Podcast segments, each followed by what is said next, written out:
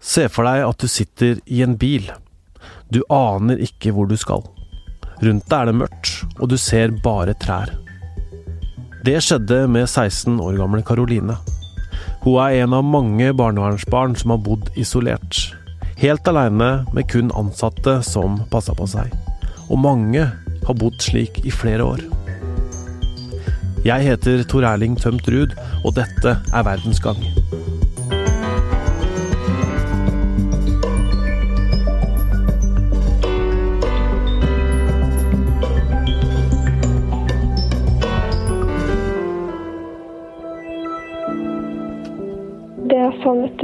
var jo familien min, vennene mine, ja, foreldrene mine. Og katten min, ikke minst. Det sier Karoline, som er flytta ut til en hytte i skogen. Hun skal vi høre mer fra etterpå. Marie Gålimo Kingsrød er sammen med meg her i studio. Du er journalist her i VG, og det siste året har du jobba med å finne ut hvor mange barn som bor isolert i barnevernet. Hvor lenge de har gjort det, og hvorfor. Ja, det stemmer, det har jeg. Eh, og de fleste barna i barnevernet bor jo enten på en institusjon med flere barn, som vi ofte har hørt om, eller i fosterhjem. Men så er det også de barna som kanskje ikke så mange har hørt om, som bor isolert fra andre barn, eh, og som hele døgnet bare bor sammen med voksne ansatte som jobber i, i turnus, da. I arbeidet med denne saken så møtte vi Karoline. Hun er et av barna som har delt sin historie med oss. Så jeg er veldig glad for at det endelig er over. Um, det der unner jeg ingen. Å være under um, Være Å være isolert på den måten, det unner jeg virkelig ingen. Ingen fortjener det. Sånn skal det ikke være. Det er, det er overgrep mot barn. Og her hører vi da Karoline som forteller om hvordan hun opplevde å være på hytta. Eh, det begynte med at Karoline var 16 år da skolen sendte ut en bekymringsmelding om hennes psykiske helse. Og da fant barnevernet ut at Karoline hadde behov for måte ekstra mye oppfølging og forutsigbarhet. Og så tok de over omsorgen for henne.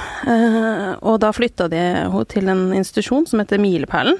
Men pga. en konflikt med de andre ungdommene, og for å beskytte Karoline mot hennes bruk av sosiale medier, så valgte da denne institusjonen, Milepælen, å skjerme Karoline på en hytte i skogen i tre måneder. Og der ble hun også fratatt mobil og PC så er det jo viktig å få frem også hva milepælene eh, syns om det her, da. Og de har jo skrevet til oss at for at Karoline ikke skulle utsette seg selv eller andre for fare, så så de ingen annen utvei der og da enn å gjennomføre dette tiltaket på hytta. Men så understreker de at de aldri har gjort dette med tvang, eh, selv om eh, Karoline forteller til oss at det var sånn hun følte det. Men du sier altså at uh, hun blir skjerma på denne hytta. Hva betyr egentlig skjerming? Ja, Da må jeg forklare noe som er litt komplisert. Eh, for det finnes nemlig tre måter barn kan bo på den måten på. Altså eh, isolert fra andre barn i et sånt hus med bare, bare voksne. Se for deg tre hus. Eh, det første huset er laga for at barn skal bo der eh, alene, med bare ansatte. Eh, og det er planlagt på forhånd, og det kalles da enetiltak. Og så er det det andre huset, som kanskje er større. Eh, og det er laga for flere barn, men det er bare ett barn som bor der, sammen med ansatte. Eh, og så er det det tredje huset, som er som den hytta Karoline bodde på. Og det kalles skjerming. Eh, det fungerer sånn at eh, hvis du bor på en institusjon, og institusjonen da mener at nei, vet du, du kan ikke lenger du kan ikke bo sammen med de andre barna, så kan de ta deg ut av institusjonen og plassere deg f.eks. på en hytte. Og det her kaller de ofte skjerming, da. Men det som er felles for alle disse tre, er jo det at barna bor isolert fra andre barn og med bare ansatte. Sånn at det, det, første huset det er jo ment for at ett barn skal bo der eh, sammen med de ansatte. Eh, det andre, da er det et hus eh, hvor det er flere soverom, men de eh, men det er bare ett soverom som blir brukt, da. Kan du si at det er ja, det bare, kan ja, det være. Mm -hmm. ja. Og det tredje er at du blir tatt helt ut til en hytte, sånn som i dette tilfellet. Ja, eller en eh, avdeling på huset. Altså, ja, bare at man tas vekk fra da, det som kalles fellesskapet, da. Nettopp. Eh, det er altså flere måter å bo isolert på. Eh, hvor mange barn er det som bor sånn? Eh, nei, altså Det som denne saken her begynte med, var at uh, Bufetat, som er en forkortelse fra for da Barne-, ungdoms- og familieetaten, bestemmer hvor barna i barnevernet bor. Og, og de skal, trodde vi da skulle kunne svare på hvor mange barn som bor isolert på den måten her, men det, det kunne de ikke. Så da begynte vi å spørre alle kommunene i Norge, eh, om å, slik at vi kunne få tall på det her. Eh, og da har vi funnet ut at antallet barn som bor alene på institusjon eller disse enetiltakene, har mer enn dobla seg fra to, 2014 til 2018. Mm. For å ta et eksempel på det, da. Så i 2014 så var det 76 barn eh, som bodde på denne måten, og i 2018 hadde det økt til 191.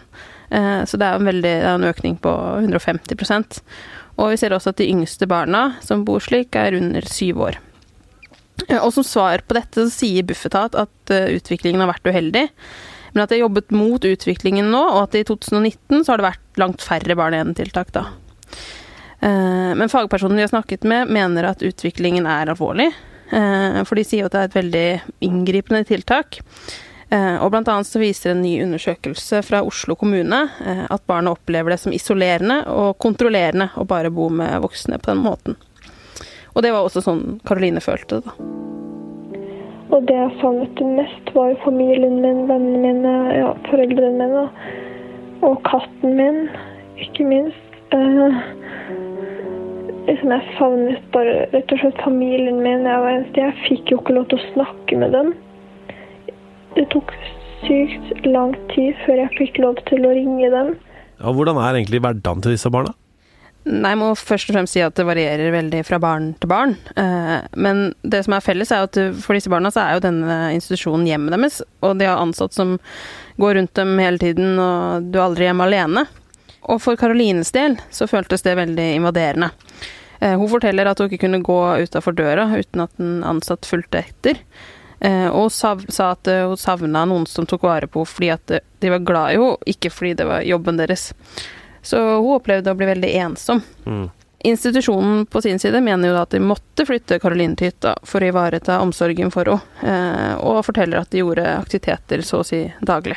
Hvilke barn er det som må bo isolert uten andre barn?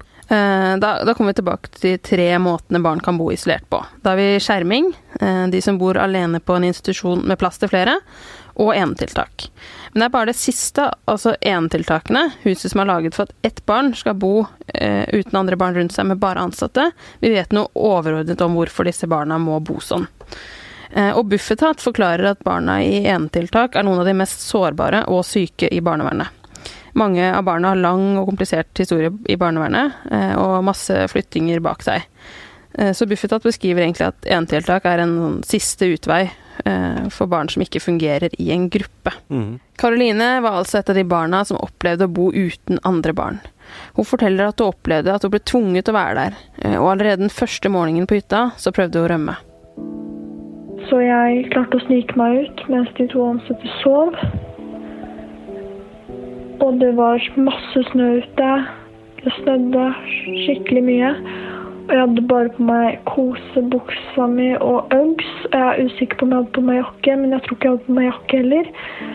Um, og da jeg gikk ut, så um, Så jeg visste jo ikke hvilken vei jeg skulle gå. Jeg husker ikke hvilken vei vi kom fra, eller noen ting.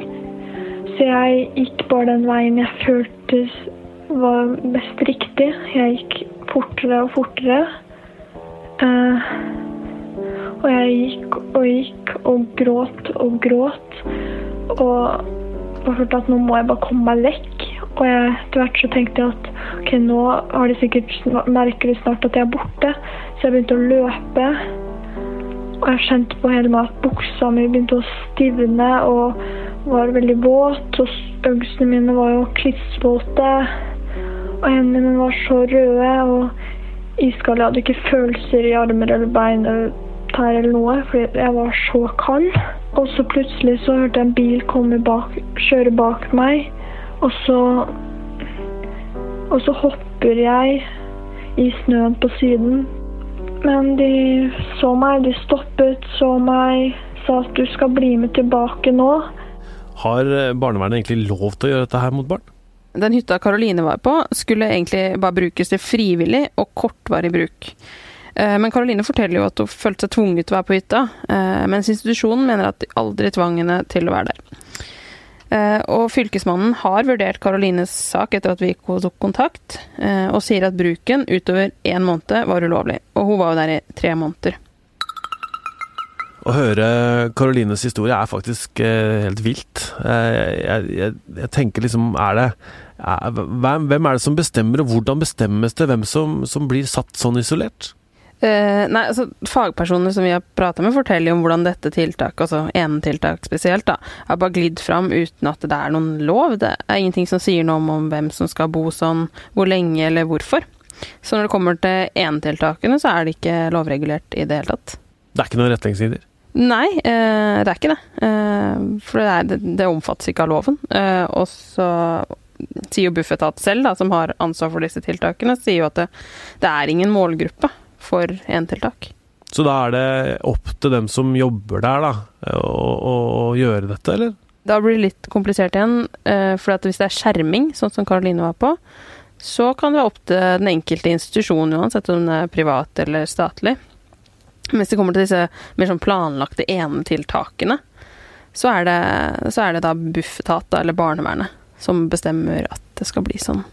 Men de har ikke noe De forholder seg ikke til en lov som er utover det som en vanlig institusjonsplassering er, da. Hva har skjedd etter at eh, dere har telt opp alle disse eh, personene og, og, og skrevet om det i avisa? Nei, Vi har blitt kontakta egentlig mange som har opplevd å bo isolert. Eh, advokater som forteller om barn som bor sånn nå og ikke, ikke har det bra. Eh, og så er det flere politikere som har kontakta oss, og de vil ha en mye strengere regulering og kontroll av tiltakene der barn bor isolert. Så nå skal det bli tatt opp på Stortinget, ifølge de politikerne jeg prater med.